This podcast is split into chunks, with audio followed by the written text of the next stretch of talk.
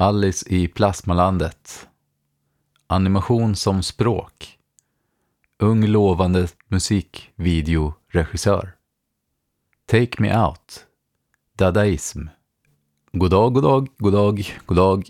Animationspodden Jonas Odell, del 2. Baka in ett rakblad i en bulle. Paketera verkligheten. En bra film är en färdig film. Men framför allt, engelskt rörmokeri.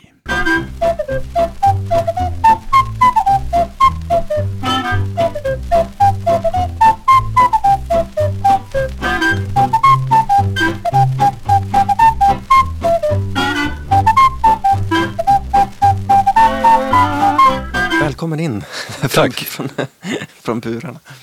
Välkommen in till 1993 när Revolver var klar. Ja, eh, Och den har varit en hit. ja den blev en liten eh, festivalhit sådär. Mm. Eh, och det var ju ännu mer chanser att åka på festivaler i den mån man, man hade tid och sådär och, och kanske inspireras ännu mer av annan animation. Sen var det väl också så att, att tiden hade kommit lite i fatt animationen på något sätt.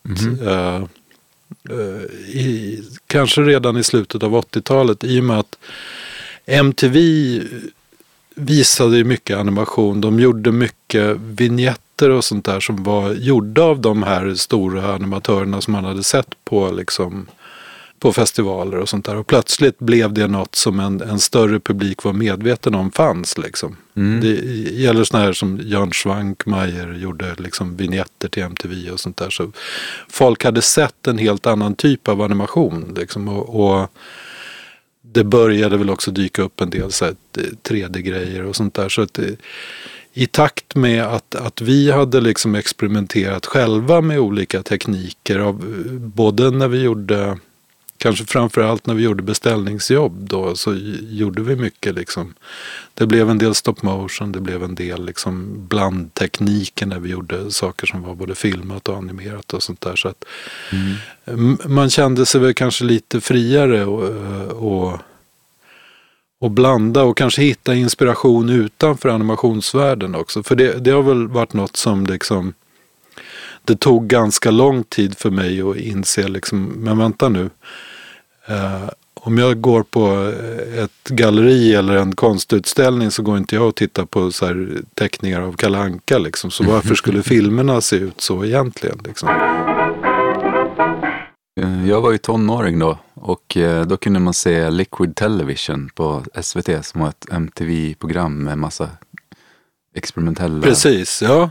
Nej, men precis. Det var ju sånt som dök upp då. Ja. Det, det tror jag liksom färgade nästa generation animationsfilmskapare ganska mycket. Liksom att, att när vi började så var det liksom man hade sett så här Kalle Anka och Professor Mm. Baltasar och inte så mycket annat. Liksom. Så fick man liksom antingen hitta på själv liksom, eller Mm. verkligen leta för att hitta den där andra animationen som ändå alltid har funnits. Liksom. Ja, och jag förknippar även det med Alice i plasmalandet som jag såg ungefär samtidigt.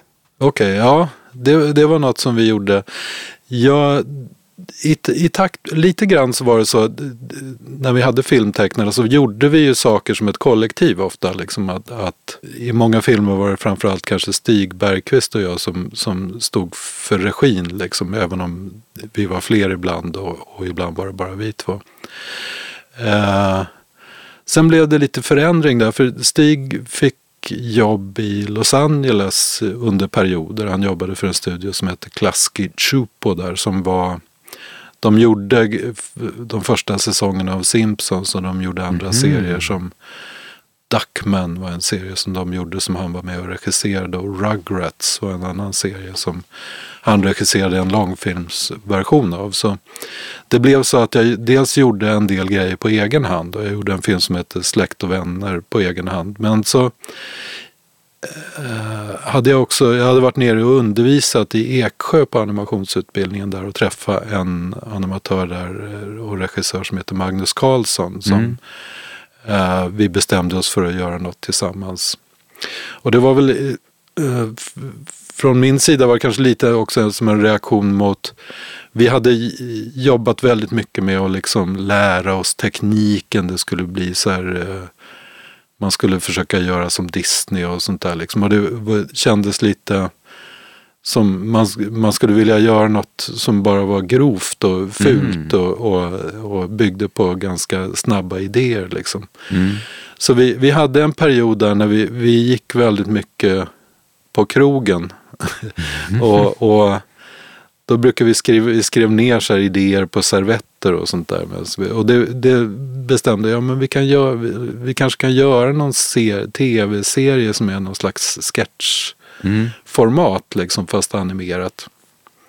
Så vi gjorde, och ingen av oss hade gjort leranimation tidigare, så vi tänkte, ja men det är väl kul att testa liksom. Eh, och det behöver inte bli så snyggt heller då, liksom behöver man inte ha någon press på sig. Så vi gjorde på premissen en man, en vecka, en film så gjorde vi en, en serie på 26 avsnitt tror jag. Eller Jäklar. något sånt. Som var liksom ja, typ någon minut då. Liksom, Ja. där. Och då var det i princip liksom vi gjorde allt själva, liksom, inklusive musik och, och ljud och sånt. Och det var ganska eh, det var ganska mycket baserat på hur musik kanske var på den tiden också. Det var väldigt så här, samplingsbaserat även, Mm. även idéerna ibland. Liksom, så att idén till en film kunde bygga på en, en röstsampling som, som fanns med i musiken. Liksom. Mhm. Och det var också då ganska eh, halvdumma idéer som man hittar på på krogen. Liksom. Och, och ofta blev de ganska blodiga och grova. Liksom. Och det blev en serie som vi av någon anledning kallade för Alice i plasmalandet. De inleddes alltid med att en eh, liten flicka som ser vagt ut som Alice i Underlandet öppnar någon liten lucka i ett dockskåp och där inne händer de här fruktansvärda sakerna.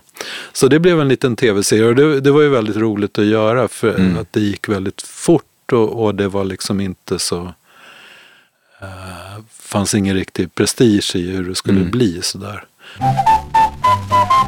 Magnus gick ju vidare och gjorde flera sådana där sketchgrejer och sen längre tv-serier. Och jag gjorde också ytterligare någon sån här sketchserie som hette Body Parts som, som var lite, det var också stop motion men det var ju pa, liksom pappers, platta pappersfigurer som rörde sig i någon slags tredimensionell miljö. Men lite i samma anda som de här Mhm. Alice i plasmalandet kanske.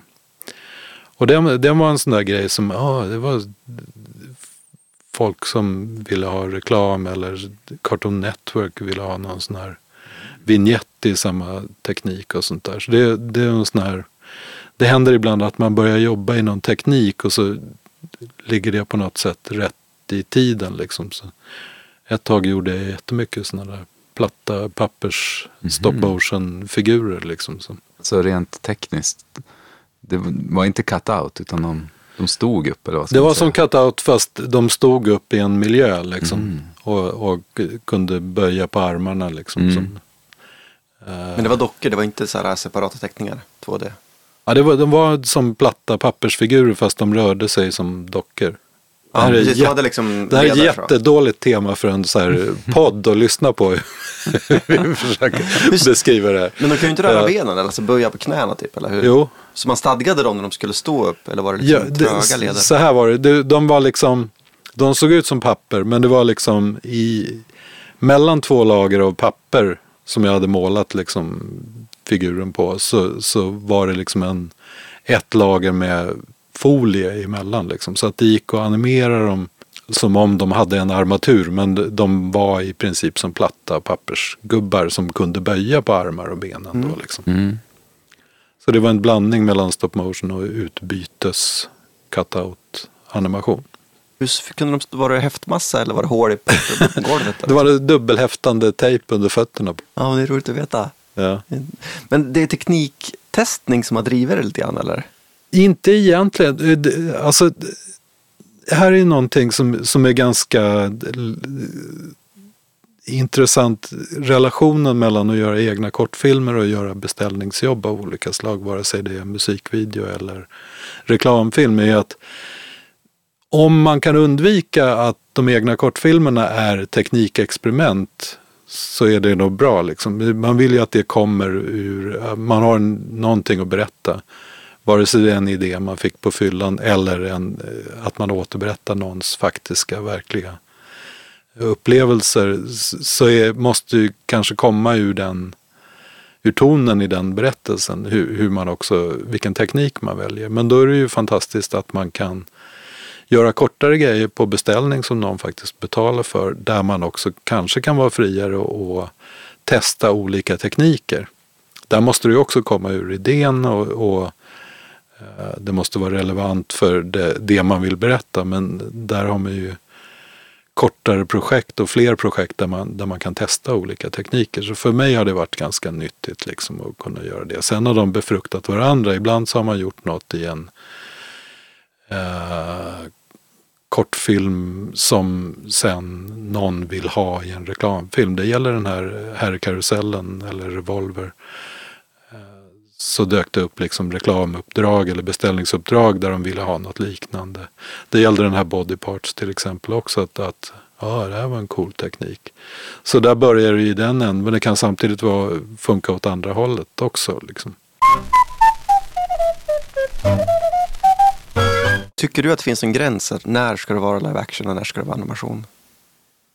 Eh, det kan finnas en gräns.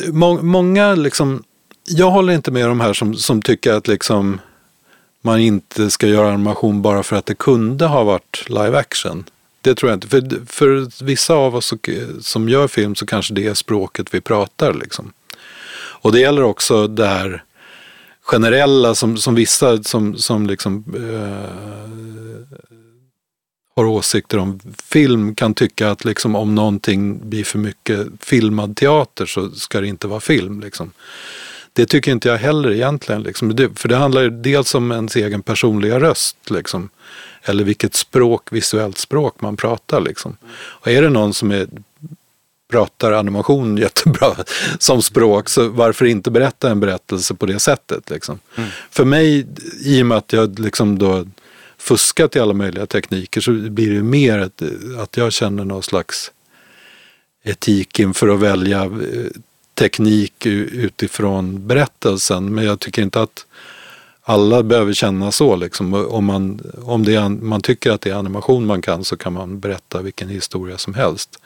Men jag har ibland gjort de valen att jag känner att ja, men det här vore bättre att berätta med skådespelare för att det är liksom man får ut något av det i spelet som, som man aldrig riktigt får ut i animation. Och plus att fördelen med att jobba med människor är ju att de gör saker av sig själva. De har egna idéer, de tillför någonting. En mm. animerad figur eh, gör inte saker av sig själv oftast. Det kan hända ibland. Men... Jag tror, när jag började göra de här animerade dokumentärerna så var det lite grann för att liksom eh, öppna upp några fönster in mot animationen. Liksom. Och det förde med sig lite grann att jag började använda eh, filmat material på ett annat sätt. Och samtidigt med att jag började göra de grejerna så halkade jag in lite grann på att göra regissera musikvideos också, vilket var någonting som jag inte alls hade trott att jag skulle göra själv. Liksom. Vi hade ju jobbat på andras musikvideos en del och eh, jag har nog alltid tänkt att det är en sån väldigt kompetitiv bransch liksom som, som och jag är inte så tävlingsinriktad så jag tänkte nog inte att det var något för mig liksom sådär.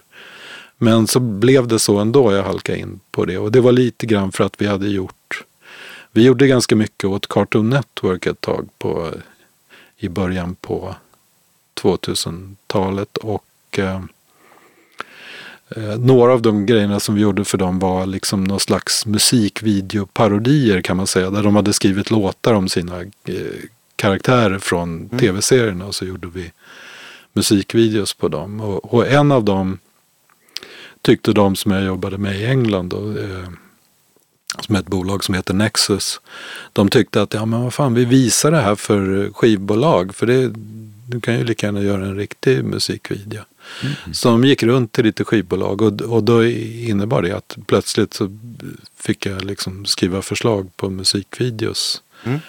Och det var ju liksom det var intressant för det är ju också så här, då var jag ändå hyfsat gammal liksom, och, och det innebar att liksom jag kunde gå runt här hemma och vara så här småbarnsfar och, och liksom eh, gammal avdankad animatör och så åkte jag till London och var så här ung lovande musikvideoregissör. Så det, det är ju ganska stimulerande på det sättet. Och det, också som jag märkte att jag tyckte var stimulerande var väl att som en ganska blyg person liksom, så är, är det ju lätt att gömma sig i den här animationssvängen. Man sitter och pysslar mycket själv och sådär. Liksom, och, och, det var ganska uppfriskande att plötsligt stå på en in, filminspelning och ha problem som måste lösas nu, nu, nu. Liksom, och problem som också involverade och, och handskas med människor som ofta kunde vara ganska svårhanterade. Liksom. Mm. Så det, det blev lite en ny start för mig tyckte jag att liksom göra de här inspelningarna av det som, som jag ändå inte hade gjort tidigare. Så det, det liksom kom kanske hand i hand lite grann med att jag blandade in mer och mer filmat material även i de här animerade dokumentärerna. Så.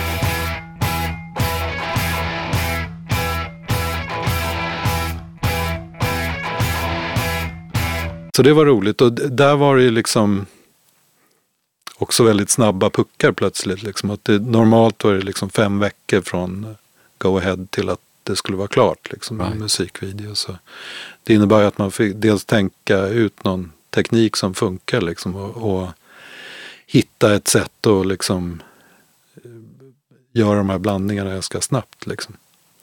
Så jag gjorde en för Erasure, jag gjorde en för ett, en grupp som heter Goldfrapp och en, en för en grupp som heter Frans Ferdinand. Mm. Som var väl den som blev mest uppmärksammad av olika skäl. Dels för att de var det blev deras genombrottslåt liksom. Take Me Out. Take Me Out hette den ja. Uh, och sen var jag liksom plötsligt musikvideoregissör. Mm. Då, liksom. uh, det är lite olika nivåer. De, de, de, mest kända banden som jag har gjort videos åt är väl Rolling Stones och U2. Men mm. de var samtidigt så här nyutgåvor av, av gamla låtar. Så de eh, filmade vi aldrig utan vi jobbade med material som fanns på dem. Mm. Så det är väl mer de här lite mindre grupperna som man har haft chans mm. att jobba lite närmare med. Liksom. Hur såg Frans Ferdinand-videon ut? Det var filmat med en så här tryck, raster, effekter och lite grafisk design. Liksom. Ja, de, ville, de, de hade ett ganska specifikt önskemål när det gäller den här Take Me Out-videon. Det var att de ville göra eh, någonting i lite så här dadaistiskt fotokollage-stil.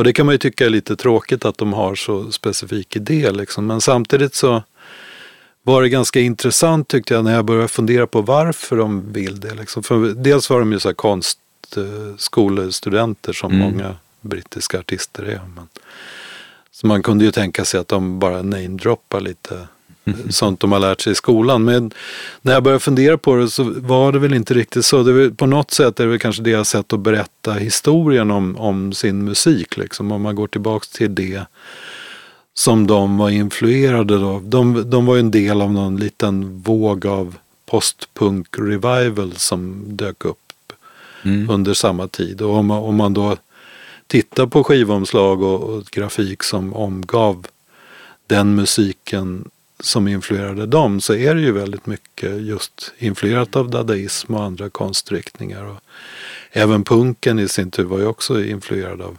dadaismen med musik som antimusik på samma sätt som dadaismen var konst som antikonst. Liksom. Så när man börjar fundera på det så är det ju liksom berättelsen om deras musik egentligen som, som de uttrycker när de säger att de vill ha en dadaistisk collagestil. Så vi gjorde det ganska mycket i någon slags förhöjd sån stil som ändå hämtar inspiration från punkgrafik och sånt också. Men, mm. men ändå refererade till dadaism och andra konstriktningar från samma tid som också varit inflytelserika när det gäller skivomslagsdesign och sånt.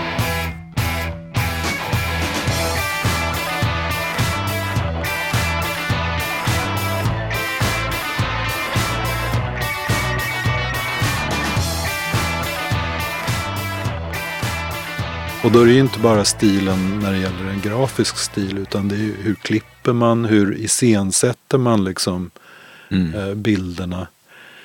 Eh, använder man skådespelare, anv- använder man animation. Och allting ner till ljudläggningen och musikläggningen. Liksom, vad, är, vad funkar bäst? Liksom? Jag vet i den här Aldrig som första gången så jobbade vi jättemycket med ljudet av en, av en örfil som, som tjejen får i, i den tyngsta berättelsen Mm. i filmen. Som väl antagligen är en våldtäktshistoria även om hon inte själv kommer ihåg vad som har hänt. Liksom. Ja. Och där var det liksom hela tiden att få det här, hur ska ljudet låta så att det inte blir spekulativt liksom. Den här örfilen, först lät det som någon sån här eh, Schwarzenegger-smocka liksom. Och det, det, då blir det ju på något sätt, det är fel liksom. Det är ett spekulativt sätt att berätta liksom. Mm. Så, alla sådana detaljer är egentligen viktiga för att hitta Mm. rätt ton i berättelsen och, och liksom följa den ton som de berättar i Ja. själva också. Visst börjar den ganska lekfullt med ja, men en ganska lycklig berättelse. Och sen eh, den där våldtäkts mörka berättelsen var näst sist va?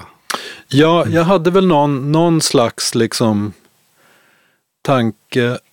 Jag tror att det- här med liksom varför man gör animerad dokumentär och Mm. vad det är har ändrat sig un, under den tid som jag har gjort de här olika filmerna. Liksom. Så jag kom in i det på något sätt för att jag ville öppna fönstret mot någon slags verklighet. Liksom Mm. tyckte jag då. Liksom. Sen förstod jag väl också liksom att, att när vi höll på med det där att okej, men animation kan vara ett bra sätt kanske att eh, få publiken att ta till sig en svår historia. Liksom, för det kan vara lite avväpnande på något sätt med en animerad figur och sådär. Det är lite som att baka in ett rakblad i en bulle. Liksom. att, man får dem att svälja något de inte skulle svälja annars, publiken. Liksom. Så jag var ganska upptagen med... Ja, jag var ganska upptagen med det tror jag när vi gjorde den här alldeles som första gången också. Så det innebär väl att den tyngsta berättelsen och den som jag kanske tyckte var viktigast att berätta är väldigt inbäddad i liksom i eh, från att någonting som är en ganska lite småkomisk berättelse till någonting som mer är en sån här aha, eh, inte aha-upplevelse utan snarare en jaha-upplevelse av första gången som eh, väldigt många historier är. Eh, till den här riktigt tunga historien om ett övergrepp och sen till en liksom feelgood-berättelse från 20-talet. Så det var väldigt mycket så här mån om att bädda in det där. Och efteråt så vet jag, den gick ju också, det blev ju också en sån här festivalfilm som gick jättebra på festivaler. Inte, kanske mindre på animationsfestivaler och mer på vanliga Den festivaler. vann väl Guldbagge va? Eh, Den vann Guldbagge, den vann i Berlin och allt möjligt. Liksom. Så den var ju... Och då vann den för bästa kortfilm, inte Ja, liksom kortfilm, någon ja. animerad kategori. Ja, precis. Och, och det var väl liksom tecken på att det funkar att bädda in det och att det blev något så här feelgood-slut. Men jag var inte säker på om det var ärligt att Mhm. göra så. Liksom. så. När jag gjorde nästa film så valde jag ett helt annat grepp liksom, när det gäller hur man kombinerade historierna. Och det är lögner. Lögner, precis. Då var det också, när vi hade gjort den här aldrig som första gången, så det var ju första gången jag jobbade med något som byggde på dokumentärt material. Och då var det ju liksom så här, ja, sälj... Argumentet är ju då based on a true story, liksom. det här är Mm. verkligheten, titta.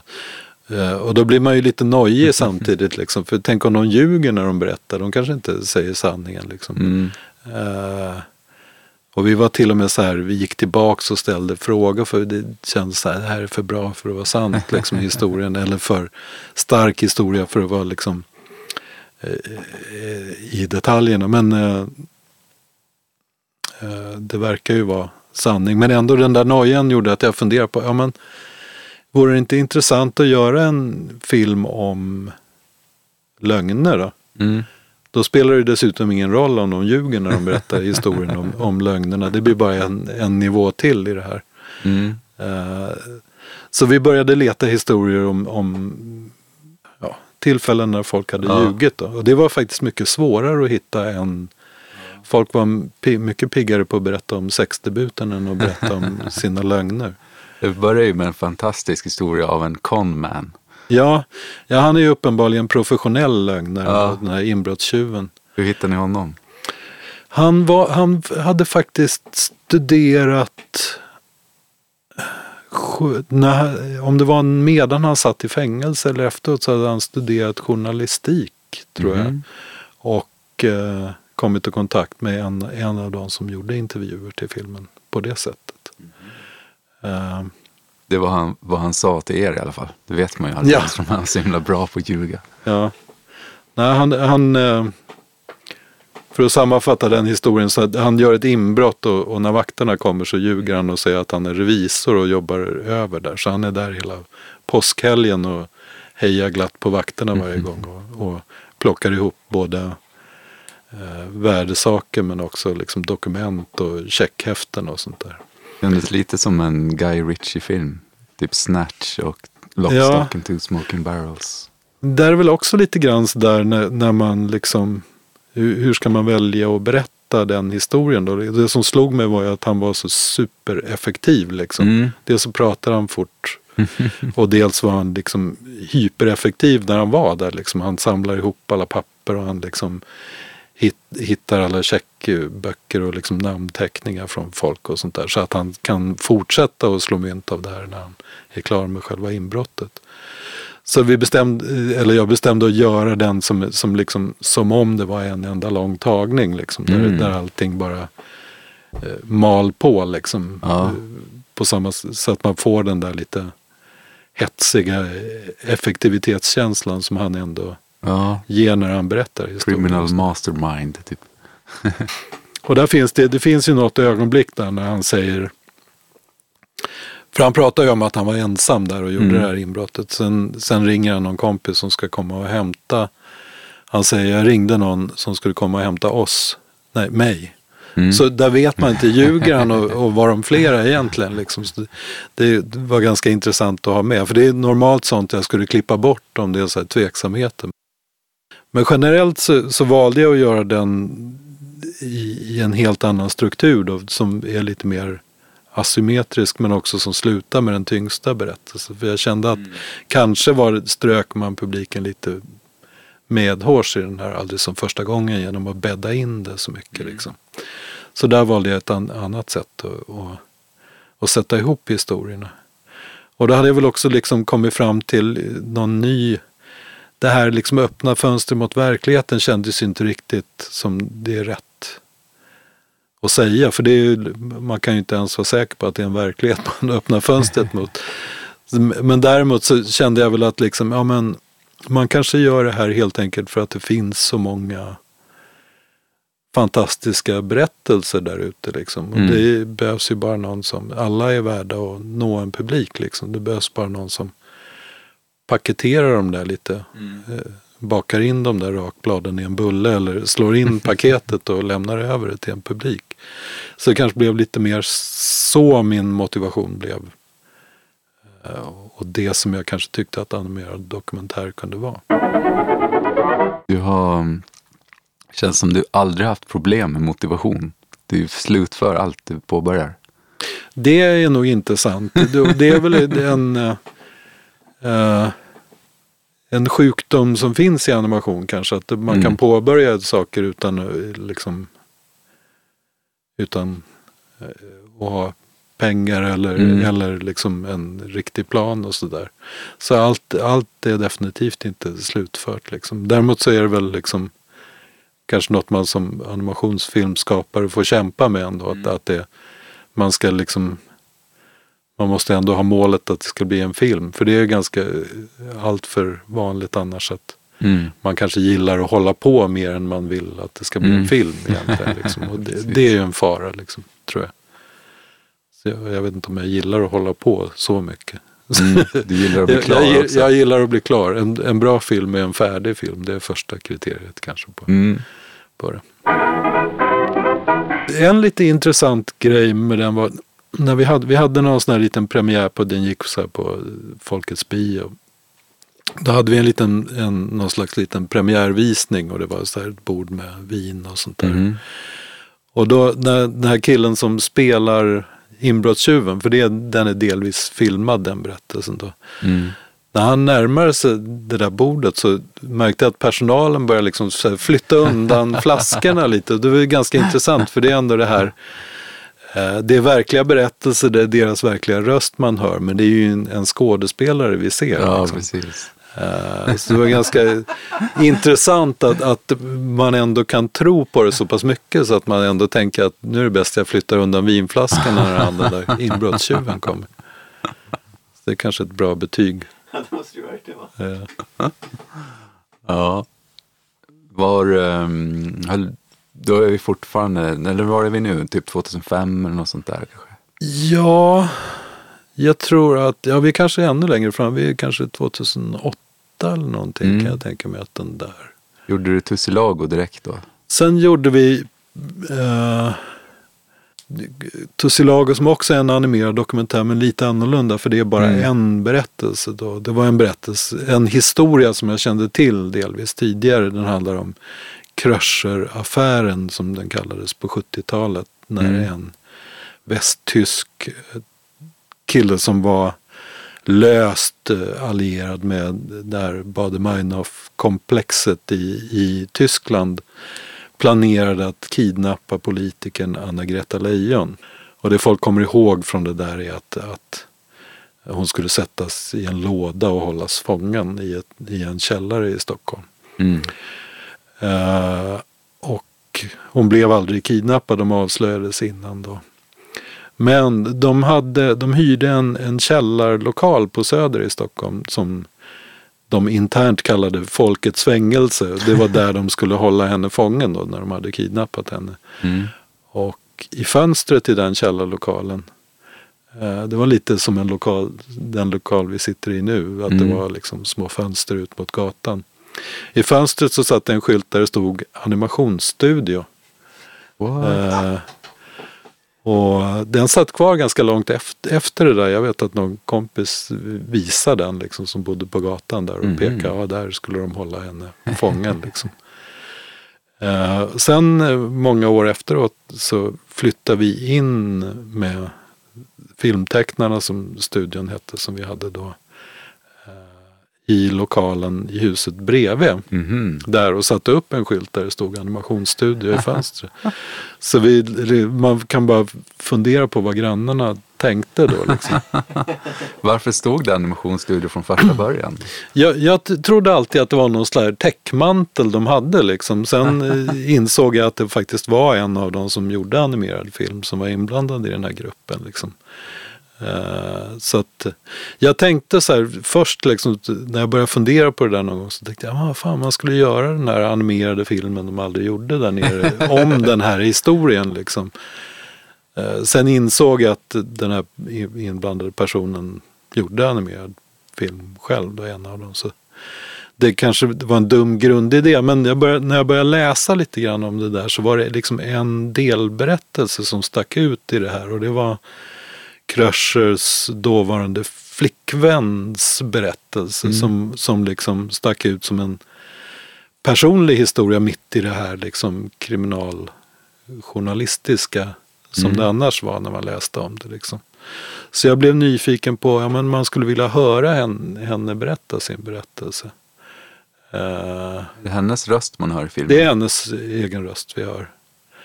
Så vi, eh, vi gjorde, vi började intervjua henne och vi, vi var medvetna om att hon hade mått ganska dåligt länge efter det här. Mm. I princip i liksom 20-30 år. Liksom. Mm.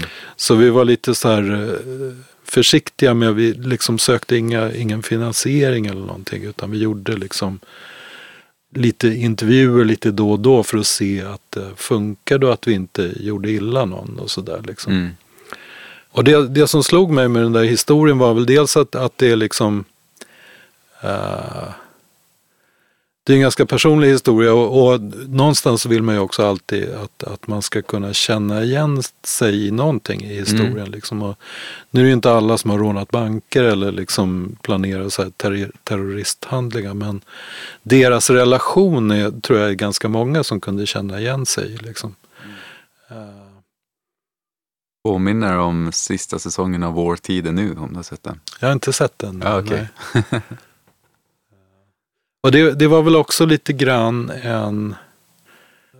Något som jag också tänkte, för det, man handskas ju med någonting när det är liksom...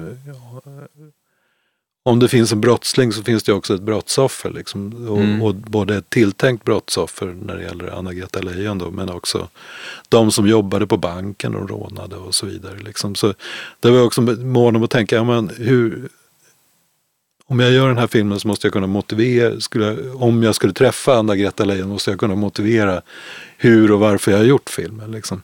Mm. Så jag tänkte att ja, men man vill göra någonting där man undviker, all, för det här är ju histo- liknande historier har berättats mycket på film och då vill man undvika de klichéer som ändå Mm. finns liksom inom det. Eh, så jag försökte så mycket som möjligt att undvika liksom, att göra det som på film li- på något Ja. sätt. Liksom. Samtidigt så märkte jag... Skräckexempel?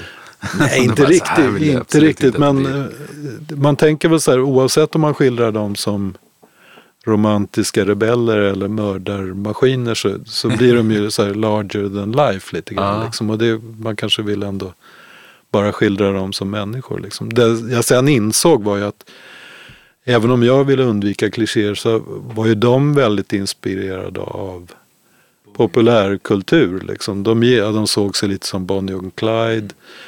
Eh, Norbert Krösche själv gillade så här, Charles Bronson och spagettivästern. Och, och liksom. Så det var mycket av det de, själv, de själva modellerade sig lite som, som någon slags utifrån av film eller populärkulturella klichéer.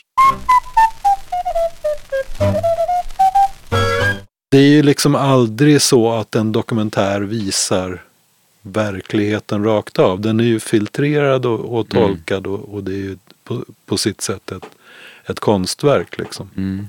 Och då kan man ju argumentera att den animerade dokumentären kanske är den mest ärliga formen av dokumentär. För där låtsas den inte Mm. om du ser, du kanske hör en verklig röst men du ser en animerad figur så är du red, från början medveten om att okej det här är inte helt och hållet verklighet. Liksom. Och du tvingas att fundera på vad är det som är på riktigt av det här och vad är inte Mm. på riktigt. Coolt. Jag tycker att eh, du pratar nästan lite om nästa film också. Eh, den här Jag var en vinnare som utspelar sig i en virtuell värld. Ja, där har vi liksom en helt annan anledning att göra en animerad dokumentär egentligen. För där, jag blev lite nyfiken på liksom dataspelsberoende. För man, det, det skrevs rätt mycket om det ett tag och sådär. Mm. Men man blev också lite så här frustrerad. För det, det var liksom, det enda man fick höra var liksom experter som pratade eller oroliga föräldrar eller vad det nu kunde vara. Och man fick aldrig riktigt höra de här perso- personerna som var beroende själva berätta om sitt dataspelsberoende. Var du själv förälder till dataspelande barn kanske? Nej, nej, det kom nog inte därifrån riktigt. Eh, men det har man ju förstått efteråt. Att många kommer fram och säger ja, min son eller min bror eller spelar för mycket. Och jag känner igen i den här filmen. Så där börjar det egentligen med en nyfikenhet bara på att höra deras egna berättelser. Liksom. Och då när man eh, ska liksom hitta en visuell sätt och återberätta det här så då kommer ju en animation väldigt naturligt. För det är ju trots allt så att de här människorna lever i en animerad värld som är mer verklig för dem ofta än, Mm. än det vi andra tycker är den riktiga världen. Liksom. Så här finns det ju en, liksom en, en, en väldigt konkret anledning att göra det animerat. Liksom. Mm. Var det samma spel alla var beroende av? Två av dem var, det här, det här är intressant för vi pratade ganska mycket med en, en terapeut som jobbar med dataspelsberoende bland annat. Och eh, det var ganska tydligt att det är viss, en viss typ av spel som, som folk är beroende, eller var beroende av då. Det här är ju några år sedan. Men då var det liksom de spel som, som har en social dimension, att man spelar online tillsammans med andra, att det är det som oftast blir, folk blir beroende av. Det har väl att göra med att det, är ett, det blir någon form av grupptryck också, eller åtminstone ett ansvar inför gruppen. Om man är liksom ett gäng dvärgar som ska ut på någon quest, liksom, så kan man inte gå ner och äta middag eller, eh, gå och hämta barnen på dagis eller vad det nu är man skulle göra annars. Liksom. Så det finns väl ett element av, av liksom det här eh, att man spelar i grupp som, som gör att det är lättare att fastna i det. Liksom. Så två av dem är, var beroende av World of Warcraft och den tredje var liksom beroende av något Star Wars. Wars-spel. Liksom. Så de är, det vi ser i filmen då, vi hör ju dem berätta, men det, de personer vi ser prata är ungefär de karaktärer de var i spelet. Det är ju inte rakt av då av copyright-skäl, men den typen av karaktärer de spelade i alla fall. Liksom. Yes, så det är så här fantasyfigurer som är i skogar och grottor. Och... Ja, ja, de är i sin miljö. Det passar ganska bra. Den, en av dem var intervjuad i, i något kök eller någonting där det ekade ganska mycket. Så det passar bra att han fick vara i en, en grotta också. Inte bara att, att det var en naturlig miljö för spelet men också ljudmässigt så funkar det bäst för honom. Ah, okej, okay, smart. Ja, det var en väldigt snygg lösning på, på den, angrepp av den dokumentär. Ja, den är kanske lite mer konceptuell än de andra filmerna. Det, att det är en enklare idé, kanske mm. visuell, en visuell idé som är ganska ren och enkel lite. Och li, lite grunden till det var, vi hade för länge sedan på studion där jag jobbade så hade vi någon sån här Playstation i, liksom i foajén där och, och, där folk spelade ibland. Liksom. Och då spelade de ofta Grand Theft Auto. Uh, och då när folk lämnade spelet, för de jobbar ju ibland också.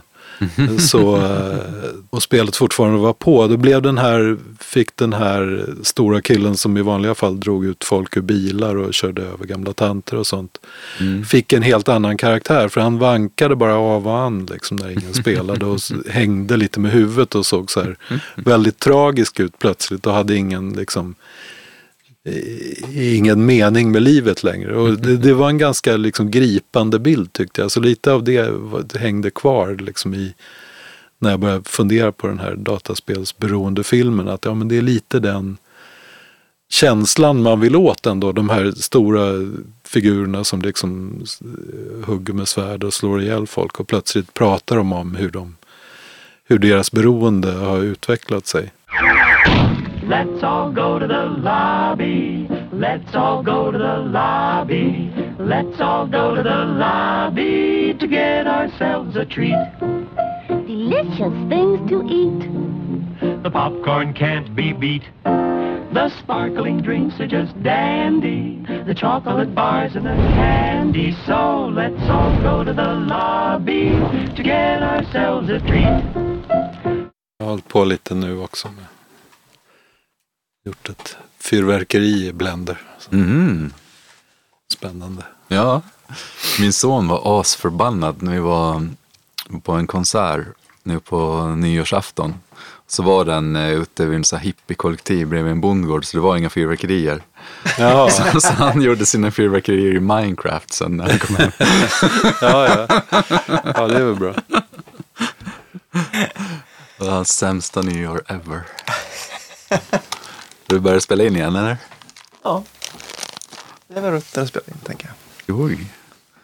Ja, hur, eh, hur ser din vardag ut just nu då?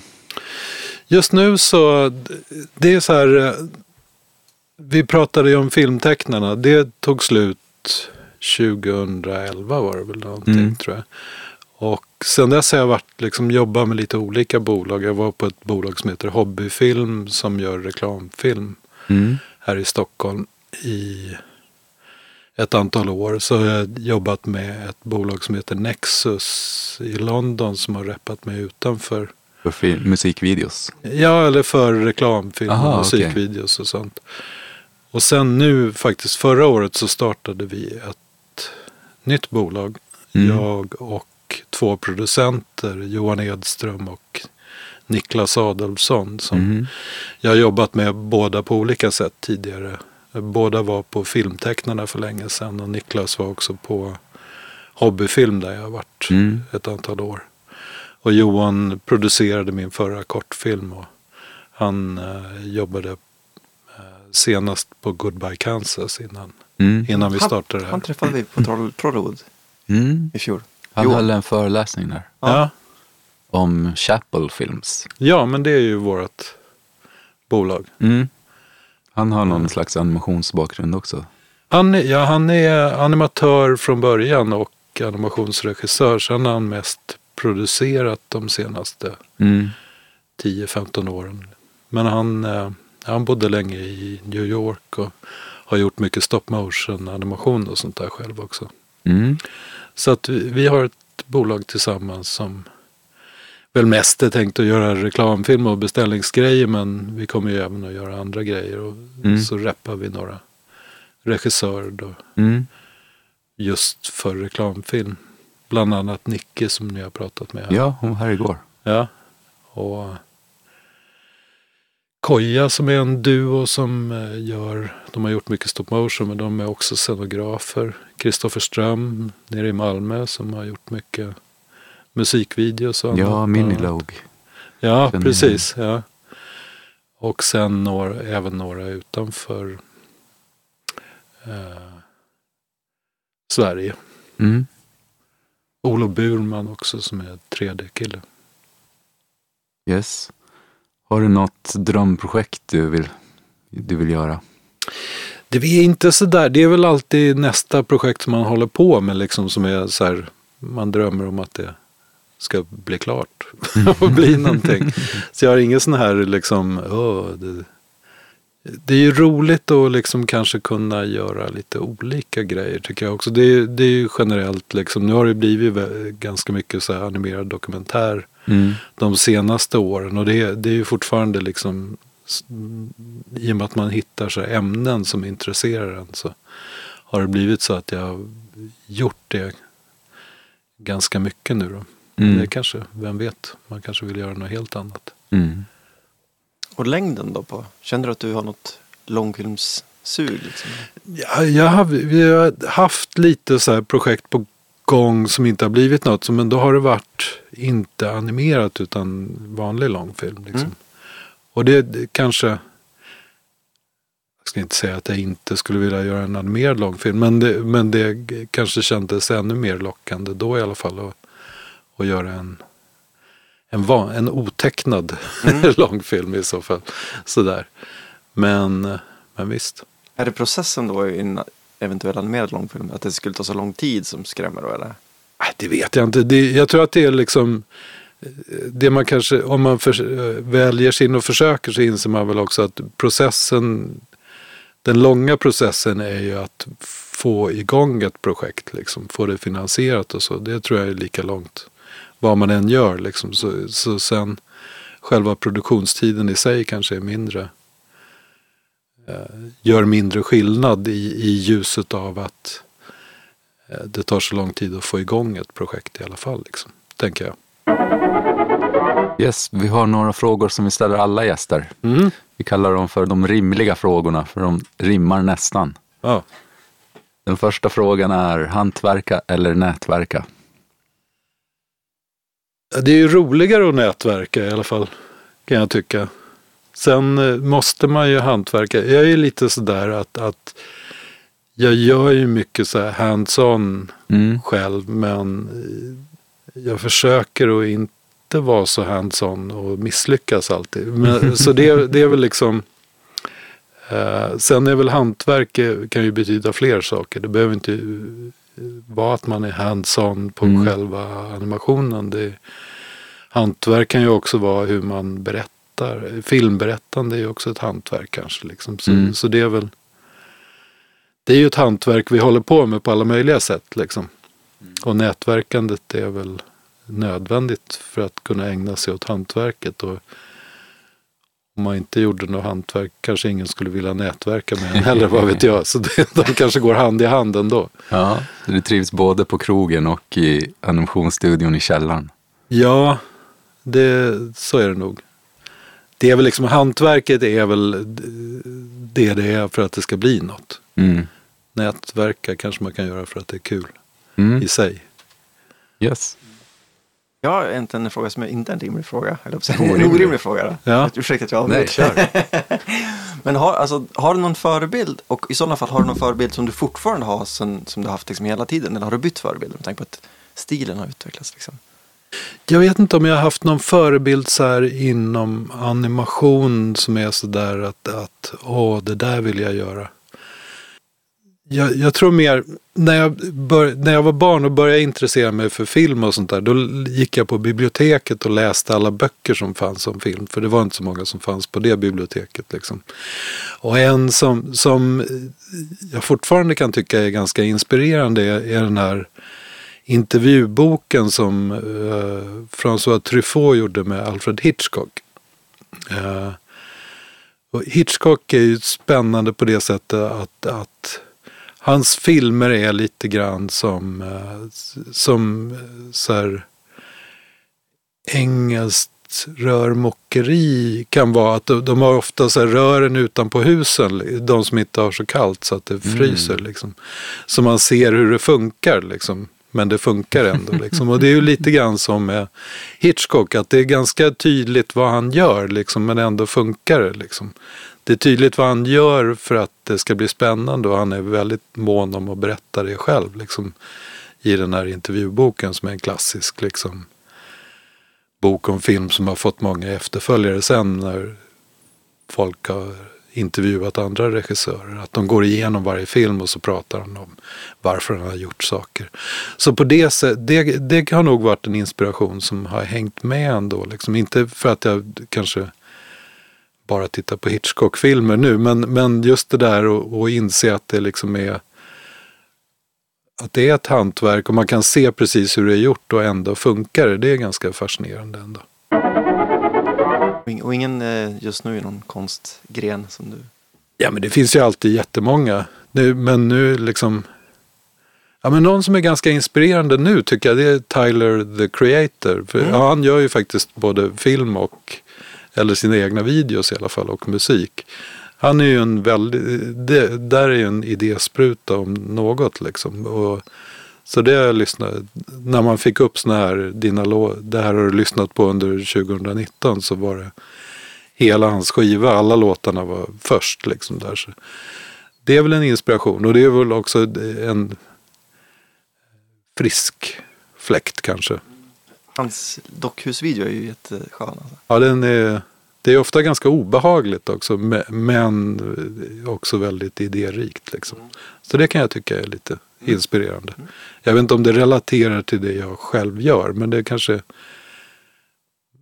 till och med så att man blir mer inspirerad av sånt som inte är likadant. Liksom. Mm.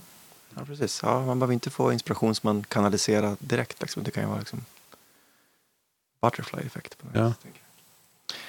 Då så, till en annan rimlig fråga. Då. Animation eller automation? Eh, jag skulle ju önska att det gick och, om vi, om vi går tillbaka till förra frågan och, som jag svarade Hitchcock på. Då, så han, han önskade ju att eh, man skulle uppfinna en maskin som man kunde koppla direkt till huvudet så, så, att filmen kunde komma ut utan att man behövde jobba med den.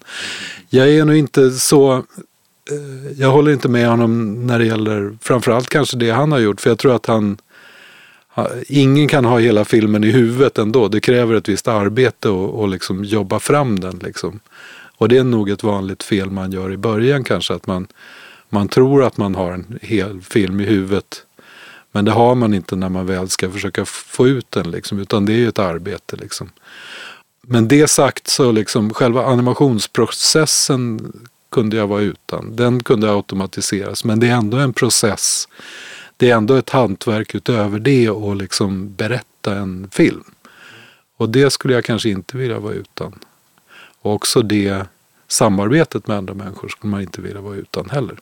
Däremot där sitta och plita själv eller rendera eller vad det nu kan vara. Det, det får gärna gå av sig självt om det gick. Du berättade ju när vi tog en paus förut lite grann om Tussilago. Att intervjuscenen, heter det? Heter det intervju? När man, Förhör. För, just det, alltså förhörsscenen där. Ja att ni inte riktigt visste vad det skulle bli? Ja, den, jag jobbar lite olika när det gäller de olika kortfilmerna. Hur mycket som är storyboardat och sådär. Eh, just i och med att det är en blandning av filmat och eh, animerat så, så är det inte riktigt samma sätt att jobba kanske som, som när man gör animation när, när allting är super förplanerat liksom. Och just när det gäller Tussilago så är ju liksom alla alla karaktärer i den är ju liksom filmade från början och sen behandlade på olika sätt. Antingen så ser man det filmade rakt av eller så är det rotoskopat eller någonting. Så den gjorde vi ju mer som man skulle göra en vanlig film kanske, att, att man liksom man har en idé om vad det är man ska filma men det är mer som ett en shotlist eller en shooting board snarare än ett storyboard som är precis hur det ska vara i filmen. Så det är mer en guide för vad det är man ska filma. Liksom. Så vissa scener i filmen är gjorda väldigt mycket som i en vanlig film. Liksom. När de rånar banken till exempel så har vi liksom filmat från hela förloppet i olika vinklar och sen jobbar fram det i klippningen. Liksom. Det här eh, förhörsscenen som också sammanfaller med ett sammanbrott kan man säga i filmen så eh, var det ganska vagt vad det skulle bli egentligen. Vi filmade en massa material och, och det var liksom också bland det sista som blev kvar att lösa när, när vi gjorde filmen. Och, och själva processen att göra det visuella med filmen var ganska kort. Vi gjorde den på kanske fyra månader eller någonting. Medan däremot intervjuerna fick ta ett halvår. Liksom. Så när jag satt där och det var några veckor kvar och jag hade den där förhörsscenen så var det riktig ångest. Vi hade filmat en massa material men jag hade ingen riktig sådär eh, i, jag hade väl någon idé men ingen riktig klar bild av hur det där skulle hänga ihop liksom i slutet. Så att, det blev ju något till slut. Men det, där, är kanske, där hade det kanske varit en fördel att haft mer storyboard och, och, Ja. och mindre bara, ja vi filmar det här. Jag tycker dock att den scenen var riktigt nice. Att det, alltså, ur min synpunkt. Ja, att det, liksom föddes någonting vackert utav det. Ja. Ja, det, är, det är väl kanske också bra att man inte... Jag tror det generellt är bra att inte vara nöjd hela tiden. Mm. Om man bara går runt och är nöjd så blir det nog inte så bra filmer. Jag tror att det, man måste ha lite panik och vara lite missnöjd för, för att anstränga sig för att lösa grejer. Liksom, tror jag. Det, är- det är ju en avvägning här. För det, vi är ju, I animationen är vi ju annars ganska måna om att planera med storyboard och sånt där. Men det är ju också ett väldigt trubbigt instrument. Liksom. Också om man gör så här boardmatic och klipper ihop storyboardbilder så är det ju man lurar sig själv lite grann. Liksom, för då blir plötsligt klippen det viktigaste i, i tajmingen. Och så är det ju inte egentligen när man ser filmen sen. Då är det ju klippen i kombination med det som faktiskt händer i ett klipp. Som, så att det, det är liksom storyboard och boardmatic och sånt är, är bra verktyg. Men det är inte liksom perfekta verktyg heller för att Mm. planera någonting. Så kan man, kan man beroende på vad man jobbar för, med för animationsteknik så kan man lämna saker öppna längre i processen tror jag man får en bättre film. Men det är ju inte alltid praktiskt möjligt. Liksom. Mm, precis. Ja, jag jobbar för att försöka få hitta något slags sätt där det- man kan liksom jobba under tiden. Att för när jag har gjort för mycket storyboard animatic innan, att då är idén redan berättad kan jag känna. Ja. Att jag försöker hitta något slags sätt, att det tycker jag är coolt med. Ja, Nej, men det är svårt det där och det är ju en process och det, det är väl alla måste väl hitta en process som, hittar dem, Mm. eh, som passar dem och, Mm. och det är väl också så att man kanske ändrar sin process under gång. Liksom. Det beror ju på projektet och det beror på vilken teknik man jobbar i och och var, hur man vill berätta något också kanske. Mm. Du svarar lite redan på det här, men nästa rimliga fråga är inspiration eller perspiration? Det är ju roligare med inspiration. Eh, perspiration är eh, kanske nödvändigt då un, Mm. under processens gång. Sen är, är det väl så att båda de är ju liksom det verkar ju, somliga gillar inspiration, somliga av någon anledning som jag inte förstår gillar perspiration. eh, och det viktigaste är väl egentligen nu, nu är det klart, nu har vi en film. Liksom. Mm. Det är väl det, det som man ska... Jag tror att vi, vi, kan, vi kan löpa en risk att liksom förlora oss i perspirationen ibland i, i animationsbranschen. Men du har aldrig känt att eh, en film slutar bli magisk när den är helt klar? Liksom? Det är alltid så att det, det, projektet är ju alltid väldigt stort när man jobbar med det. Liksom. Och sen när man Mm. har gjort färdigt filmen så krymper den ju ihop till ett litet russin. För det är ju det är en värld man har levt i liksom. och, och sen kanske det är en kortfilm Mm. som inte är egentligen en värld som någon annan kommer att leva i. Så på det sättet så är det ju liksom, Mm.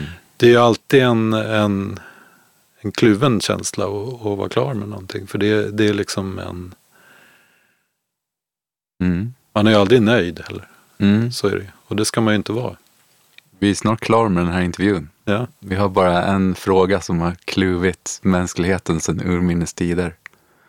Heter det GIF eller GIF?